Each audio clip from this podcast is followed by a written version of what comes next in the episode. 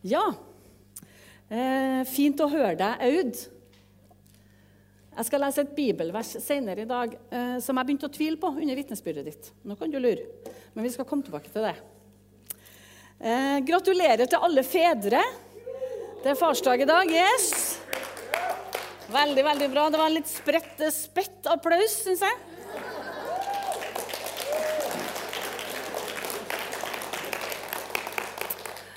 Herlig. Eh, vi setter pris på alle som eh, er menn og fedre, og, kan være både eh, ja, til glede og oppmuntring for oss alle. Ekstra velkommen til Bjørn, som Kristian nevnte her.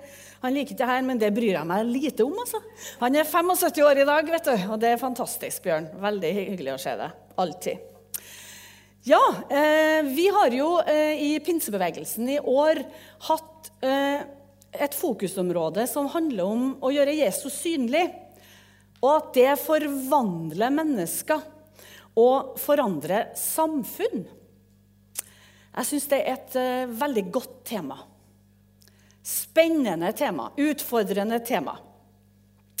Og vi har jo satt eh, fokus på forskjellige samfunnsområder i løpet av dette året. I forrige måned så var vi innom politikk. Og i denne måneden så skal vi jo se nærmere på det temaet som kalles helse. I går på Jesuskvinner så hadde vi besøk av Lise Karlsen. Lise Karlsen var, sammen, var sammen med sin mann Ludvig Karlsen eh, dem som var gründere, som starta opp Evangeliesenteret i Norge. Og det tør jeg nesten påstå at eh, det er vel en av de tiltak i landet vårt som berører helse, og som berører også politikk. Hvor setter vi inn midlene? Og så er det noe med at når Jesus forvandler mennesker, så for, når han forvandler mennesker, så forandrer det absolutt samfunn. Jeg var på Østerbo i sommer. Det er Evangeliesenterets store sommerstevne. Og Da var det en ung mann der. Han var nå litt over 20 år, og han fortalte om sitt liv i rus. Han var født inn i en familie som misbrukte rusmidler. Og han starta sjøl sin karriere som han sa, som 11-åring hvor han eh, ble en, eh, en, en, rusmisbruker. Det begynte med alkohol, og så beveget han seg over i narkotiske stoffer. og Til slutt så havna han på gata som 14-åring. Eh, han ble far når han var 16 år. Hadde aldri hatt noe kontakt med det barnet. Han levde ut og inn av fengsel, institusjoner osv. Verre enn et vondt år. Når han var, jeg tror han var litt mellom 17 og 18 år, så var han sliten. Han satt eh, på en benk i Oslo og hadde egentlig lyst til å gjøre det slutt. Så kommer eh, Kontaktkafeen i Oslo fra Evangeliesenteret i kontakt med denne gutten. Lang historie kort. Han kommer inn i apparatet til Evangeliesenteret. Han blir sendt på eh, et akuttmottak, han får hjelp på alle mulige måter. Han, eh, sin, han fullfører sin grunnskole, som han aldri klarte å bli ferdig med. Han fullfører videregående skole. Han blir kokk. Og han, årene går, han klarer seg bra. Eh, når han er 22 år, så begynte han å tenke på sønnen min. Jeg har jo en sønn. Jeg har aldri sett den. Og Han hadde lite tro på at mor til denne gutten ville ha noe kontakt med ham, for han har just ikke etterlatt seg noe godt eksempel. Men han kjente at Gud kalte på ham og sa at du skal ta kontakt med sønnen din. Og så gjorde han det. Og til sin store overraskelse så fikk han lov til å komme ned et sted i Østfold og besøke mor og sønnen sin, som da var blitt seks år. Og det var litt av et møte, fortalte han. Men så smilte han der han sto, og så sa han det. Men Det var fint å se sønnen min, men det var ikke så verst å se mora heller. Og så gikk det sånn at varme følelser oppsto. Det sa han, det er et mirakel. Og så sa han at i dag er jeg 24 år, jeg er gift, med den kona, da, eller den dama som var mor til hans første sønn. Og de hadde en baby som satt eh, like bortafor som han pekte på. Og så sa han og så jobber jeg. Og vet dere, jeg er skattebetaler, sa han og var så stolt. Og jeg kjente Kom hit og fortell meg at, at Jesus ikke forandrer folk, for det gjør han. Han forandrer mennesker, og det igjen fører til at samfunn blir forvandla. Jeg er så begeistra for, for, for, å se sånt. Jeg er også veldig takknemlig for alle troende, alle kristne, som vier sitt liv til andre mennesker i barmhjertighetsjobber, sånn som det er innad i helsevesenet. Det hører et forferdelig ord. Går ikke an å finne noe annet. Helsevesenet. Jeg sa det en gang til en tenåring, og han sa 'Hvordan vesen er det?' sånn? Og, og det er jo egentlig sant. altså. Det er et rart ord. Men du skjønner hva jeg mener eh, med helsevesenet. Det er nå bare sånn at vi kaller det det, men jeg er veldig takknemlig for alle, for alle om de er troende eller ikke. Og hvem er nå jeg til å bedømme hva folk er troende til? holdt jeg på å si. Eh, men at folk vier sitt liv. For jeg har vært heldig i livet mitt. Jeg har sjelden vært i kontakt med helsevesenet pga. at jeg er god helse. Men de gangene jeg har gjort det, så har jeg alltid blitt berørt i hjertet av en godhet som jeg merker i møte med både leger, sykepleiere og andre som jeg har kommet i kontakt med. Nå kan det hende at du sitter her og har andre erfaringer, men eh, jeg tror i det store og det hele at vi som bor i Norge, vi har vunnet i Lotto også når det gjelder helsetjenester. Vi blir tatt vare på og sørga for. Og så er jeg glad for at vi har kristne profiler som står opp og bevarer også de verdiene som egentlig ligger i bunn da moderne helsevesen vokste fram, nemlig nestekjærlighetsprinsippet. Nemlig at folk skal få lov til å ta med seg trua si også inn i møte med både sykdom og død. I et eh, samfunn som mer og mer kaller seg livssynsnøytralt. Eh, det er enda et rart ord. Men i hvert fall så er jeg glad og stolt over Vi har dem også her i salen. Helse, ja. Det er jo viktig å ta vare på helsa si og på kroppen, og det er jo faktisk sant. Eh, og hvis jeg søkte på Google på helse, og da var det veldig mye som eh, poppa opp. Sånne bilder var det veldig mange av. Sånne treningsbilder. Og så var det veldig mye som handla om mat og ernæring. Eh, og hva vi, vi, tar inn oss. Og så var det en god del bilder som ligna litt på det der. Sånn, eh, og jeg kunne ha tatt med piller og masse sånne, men jeg valgte å ta med et litt nøytralt Er det stetoskop det heter?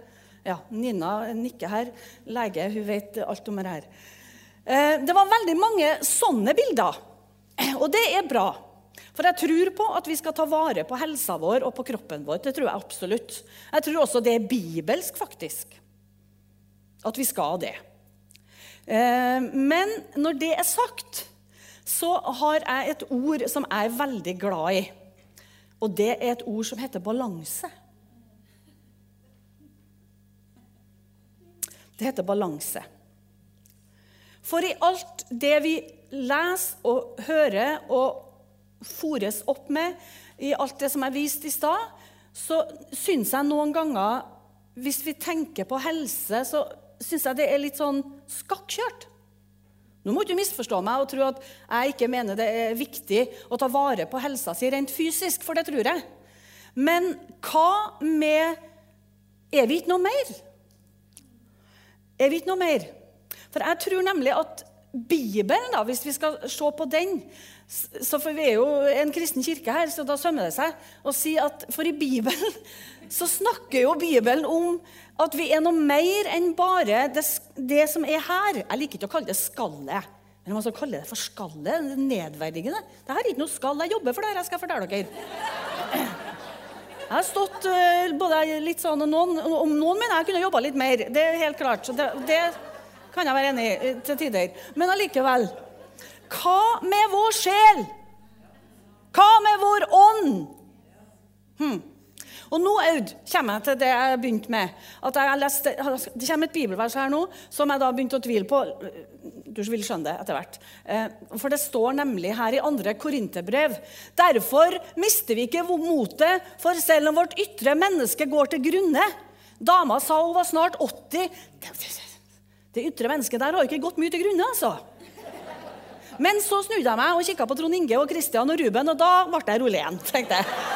Ja, det her det stemmer likevel.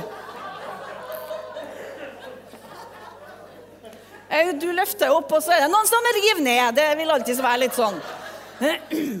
Derfor mister vi ikke motet. For selv om vårt ytre menneske går til grunne Nå må vi ha stoppa og holdt en bibeltime om det. For det gjør det jo. For det er jo faktisk sant. Eh, når du er 17 eh, år og nyforelska, så tenker du ikke så mye på det. Men når du har blitt 55 og knytter skolissa og lurer på om det er noe mer jeg skal gjøre når jeg fortsatt er nedpå her nå, så skjønner du at det har skjedd en utvikling. Det har skjedd et eller annet. Altså, Du merker det på skrifta på telefon, f.eks. Ikke sant? Når folk flirer når jeg står i kø på Rema, og så står jeg og venter, og så tar jeg opp telefonen og så leser jeg en melding, så hører jeg dem flire bak meg. Og så sier jeg Hva? Ja, Ser du dårlig, eller? For det går an å, hvis du ikke vet, så går det an å lage veldig stor skrift på telefonen. Og det har jo jeg gjort. Og så har jeg fått meg briller. vet du. Og selv om kvinnfolk i Japan hørte jeg nå i dag, de, blir, de får ikke lov til å bruke briller, for det er ikke feminint nok. Så jeg er glad at jeg bor i Norge, at jeg får briller. Jeg får det faktisk. Man får hjelp til å få briller i dette landet. Men det ytre mennesket går til grunne. Men så står det Blir vårt indre menneske fornya dag for dag? De trengslene vi nå må bære, er lett, og de skaper for oss en evig rikdom av herlighet som veier uendelig mye mer for vi har ikke det synlige for øyet, men det usynlige. For det synlige, det skal ta slutt. Men det usynlige er evig. En gang, Hvis ikke Jesus kommer igjen før, så skal det faktisk stå en gravstein med navnet mitt på. Det er en merkelig tanke, men sånn er det. For det mennesket her, det kommer til å gå til grunne. Det kommer til å gå til grunne. Men det er noe som ikke skal gå til grunne. Og det er her jeg mener vi gjør klokt i å se på balansen. Hva bruker vi tida vår til? Hva er viktig for meg? Hva er det jeg setter mest inn på? Jeg tror at mennesket er en udelelig enhet av kropp, sjel og ånd. Og de disse verdiene og dimensjonene de er likeverdige. Og hvis vi skal vise sunnhet i kristenlivet vårt, og det tror jeg vi skal, så ligger balansen da, mellom det å få være i fellesskap med Gud og gjøre det som Gud gir oss kraft til i tjeneste.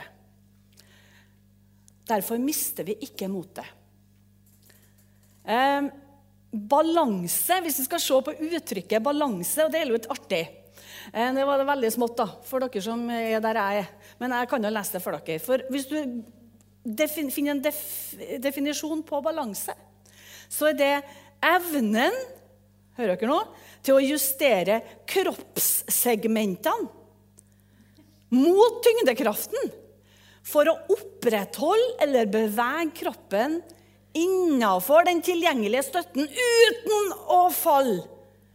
Evnen til å bevege kroppen i likevekt med tyngdekraften via samspill av sensoriske og motoriske evner. Er du fremdeles med? Er du våken?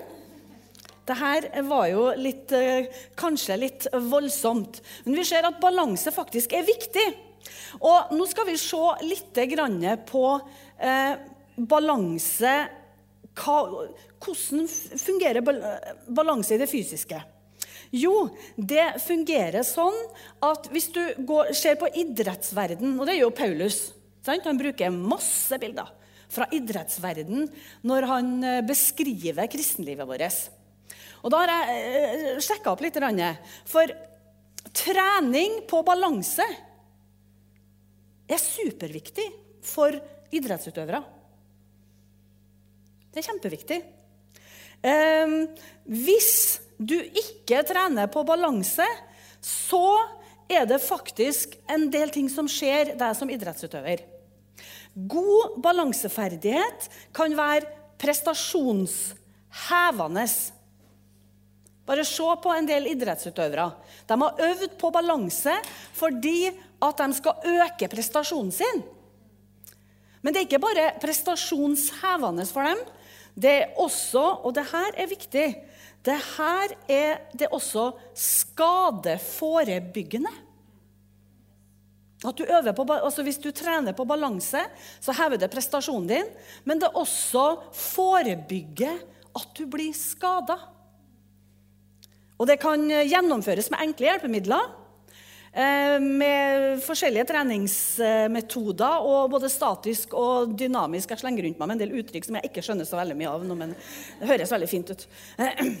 Men poenget mitt er at jeg tror at dette også kan overføres til vårt åndelige liv. Det å være i balanse, det gjør at du faktisk kan yte mer. Og det virker også preventivt mot skader. Kan du bli skada i ditt åndelige liv? Absolutt kan man bli det. Da er det lurt å ha trent på balanse. I 3. Johannes brev så, så sier Johannes i, vers, i kapittel 1, vers 2.: Mine kjære, jeg ønsker at du på alle vis får være frisk. I andre oversettelser står det 'være ved god helse'. Å ha det godt, like godt som du har det åndelig. Bibelen er helhetlig. Gud bryr seg om hele deg. Han bryr seg om hvordan du har det i kroppen din. Det er derfor han har sagt, 'Kom til meg'. Alle dere som strever og har tungt å bære. Det kan også være fysiske ting vi kan bære på. Og jeg vil gi dere hvile. Også i ditt sjelsliv, i dine følelser, i din vilje, i alt det du, du er, og også i ditt åndelige liv. Noen ganger setter seg propper fast i systemet som vi må hjelpes til av Gud til å få ut proppen, sånn at vi er i balanse. Det er mange, mange ting man kan sette spotten på når det gjelder å ha balanse i vårt åndelige liv. Veldig mange ting veldig mange ting jeg kan ha satt søkelyset på, men det skal, ikke, det skal ikke jeg gjøre. Men jeg har noen få punkter som jeg vil vi skal se litt på sammen. Og Det første punktet er ta det med ro. Ta det med ro. Jeg tenker noen ganger at vi som troende vi kaver og stresser litt. Jeg snakker til meg sjøl. Men eh, Gud har aldri tenkt at jeg og du At troa skal være en stressfaktor i livet vårt. Vi hørte Aud snakke om det, at det skal være, at troa er for hun noe som er en bærebjelke. Jeg må noen ganger sette meg ned og minne meg på sjøl at da Gud skapte verden, så skapte han faktisk verden på seks dager, og så hvilte han på det sjuende. Han starta faktisk Kunne du tenke deg da, Hvis du har forberedt en hel jord, en hel menneskeslekt som skal bli, komme fram, og alt liksom står i startgropa Alt har, blitt, har starta opp og er bare klar til å begynne å produsere frukt og grønt, og menneskene skal formere seg og sant, hele pakka der. Og så setter han seg ned og hviler seg. Det ligger et prinsipp der. At ut ifra hvilen så er det at ting skjer. Ut ifra troens hvile. Livet er, tror jeg, rett og slett for kort for å kaste bort eh, verdifull tid på uviktige ting. Ikke la livet passere i en tåkeheim og komme på slutten av livet og tenke jeg skulle aldri ha brukt så mye tid på det tullet der som jeg holdt på med. Hver dag er en gave med muligheter hvor du skal få lov til å føle vekst og glede og tilfredsstillelse og mening fra Gud med å være der. Og I, i, i første Mosebok da, så står det at den sjuende dagen fullførte Gud det arbeidet han hadde gjort. Og på den sjuende dagen så hvilte han fra det hele, fra hele arbeidet. Gud velsignet den sjuende dagen og helliget den. For den dagen så hvilte han fra hele sitt arbeid og det som Gud hadde gjort da han skapte. Han hvilte seg på den første dagen. Ta det med ro. Det andre jeg tror er gitt oss, det er at vi skal få lov til å dele byrden. Når vi går igjennom livet, så får, har alle mennesker perioder av livet, eller ting i livet. Det kan være forskjellige ting, og det kan være på ulike faser. Men det er ingen som går gjennom livet uten å ha båret på en byrde.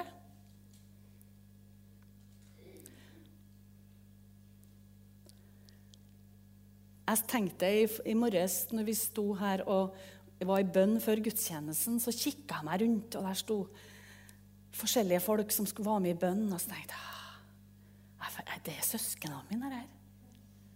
Fantastisk. Guds menighet. Verdens største under. Og så får jeg lov til å være en del av det her. Ah, jeg ble fylt av en sånn takknemlighet. Jeg får lov til å dele livet, både på gode dager og onde dager. Galaterbrevet 6 sier Paulus, bær byrdene for hverandre. Og oppfyll på den måten Kristi lov. Det er ikke bare et råd, vet du. Men det er faktisk Kristi lov. Du kan få del det som du bærer på, og det som du har med deg i livet, med noen som du kjenner kan være til hjelp for deg. Og sammen så kan vi få lov til å be til himmelens Gud, som er der for oss, og som alltid hører oss når vi ber. En forutsetning for å kunne ta imot hjelp, da, det er jo å innse at vi behøver hjelp. Jeg pleier å si det til Frank en gang, for han har en sånn, jeg tror at han har en sånn greie med at når det gjelder å spørre om veien så tror jeg det, altså, når vi er ute og kjø, Nå finnes det jo GPS-er, da, men før den tida der så, så, så var det for fryktelig nederlag å rulle ruta og spørre etter veien når vi har kjørt oss bort. Før vi gjorde det, så, så, gjorde vi alt mulig annet. For meg så var det helt ubegripelig. første jeg gjør når jeg ikke finner fram, det er å åpne ruta.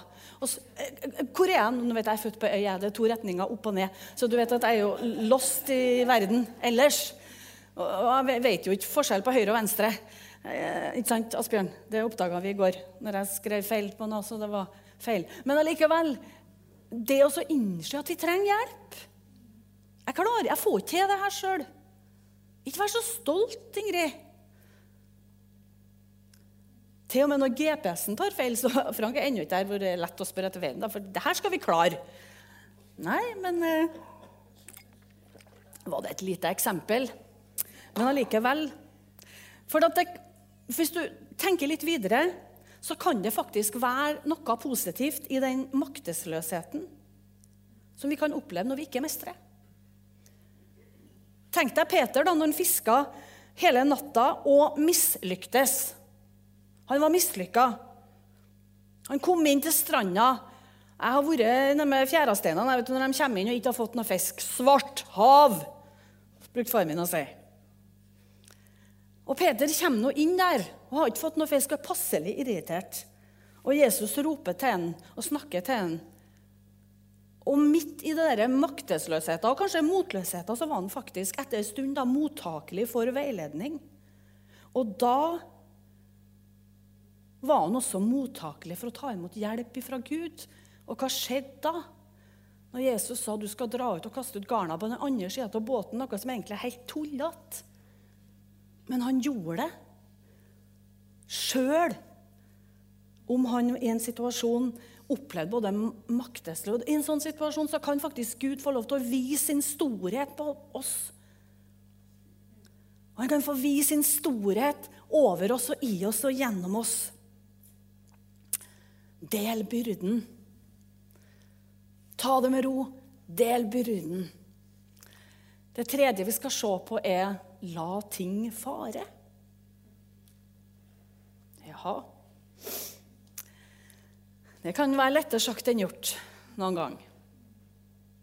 Men jeg tror det leves lettere hvis vi ikke henger oss opp i uviktige detaljer. Det er lettere å være overbærende hvis vi bare tenker hm. Det er noe som heter 'velg kampene dine'. Nå sier ikke jeg at man ikke skal ta opp ting som er vanskelig og vondt. Men det er noen sånne småting i hverdagene våre, i relasjonene våre. Jeg, kan, jeg vet ikke hvor mange jeg tannrer liksom, om, om at uh, Frank han begynner å rope han, vet du, før, han tar, han tar i kjøleskapsdøra. 'Hvor er sin?' Han har ikke åpnet kjøleskapet engang. Er det noen damer som har lignende erfaringer? Oh yes, vi er der, ja. Såpass. Ja. Og jeg har i alle år sagt 'Kan du ikke se etter?' For så irritert meg. Og, liten filleting, kan du si. Ja. Men eh, nå har jeg laga et system. så, ikke sant? Og så, og så Noen ganger så åpner jeg kjøleskapet. Se her, der er det sånn. Så det her er en liten småting, men småting kan jo bygge seg opp, og småting kan bli til større ting. Sokkene på badet, dusj, håndduken som ikke henger seg opp og try... Nei, vi skal ikke ta den. Men i hvert fall litt sånn forskjellige ting. La ting far. Vær raus. Ah. Vær raus med hverandre. Nei, hun sa noe rart til meg. Send her. Det var noe rare greier. Hun har kanskje en dårlig dag. Eller kanskje har jeg en dårlig dag hvor jeg tar alt opp i verste mening. Det skjer. ja, Velg dine kamper. Hebreerbrevets kapittel det var fryktelig smått, det her òg.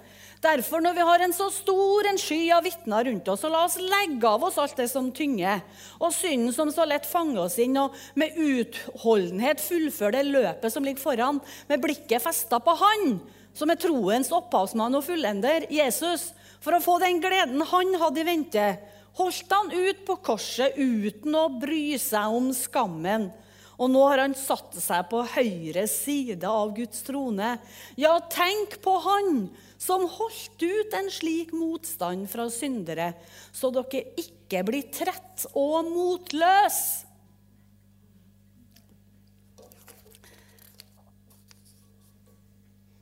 La ting, far. La det gå. Ikke sammenlign deg med andre.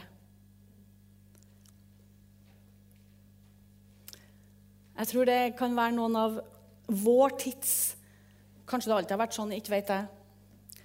Men det er i hvert fall en ting som kan slite på folk hvis vi stadig driver og sammenligner oss med andre. Hun eller han kan det.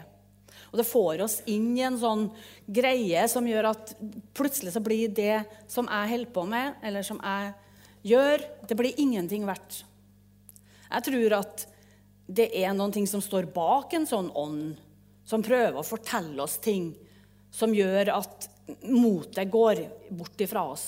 Og den må vi bare reise oss imot.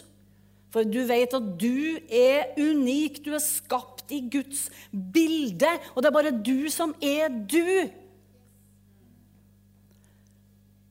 Herre, står det. Ja, det står nå først, da. Se ikke på deg selv og bli deprimert. Se ikke på andre og bli irritert, men se på Jesus og bli inspirert. Det er litt tam, men dog. Salme 139, det er straks mye bedre. Herre, du ransaker meg, og du veit. Du veit om jeg sitter eller står. På lang avstand så kjenner du tankene mine. Om jeg går eller om jeg ligger, så ser du det. Du kjenner alle min, mine veier. Jeg takker deg, Gud, for at jeg er så underfull laga. Underfulle er dine verk, det vet jeg så godt. Vet vi det så godt? Du skal begynne å teste vet du. når du står opp om morgenen. Så skal du stå foran speilet og så skal du si, 'Jeg takker deg for at jeg er underfull laga'. Underfulle er dine verk, det vet jeg så godt. Du er skapt for en hensikt. Du er ikke her med slump. Du var aldri tenkt å være en slump. Du er ingen slump. Du er et menneske som er skapt i Guds bilde. Du er krona på skaperverket.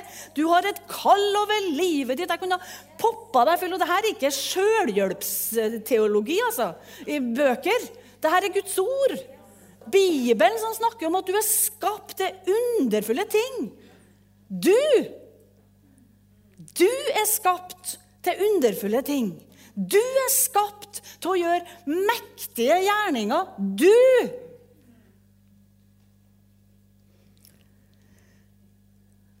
Til avslutning så eh, vil jeg bare si at noen det, Man kan kanskje tro, og noen kan kanskje si at ja, ja, det med balanse det høres nesten ut som et kompromiss. Det er liksom det du holder på med. Men det, det, det, mener jeg at det ikke er. For kompromiss det er å slå av litt her og litt der.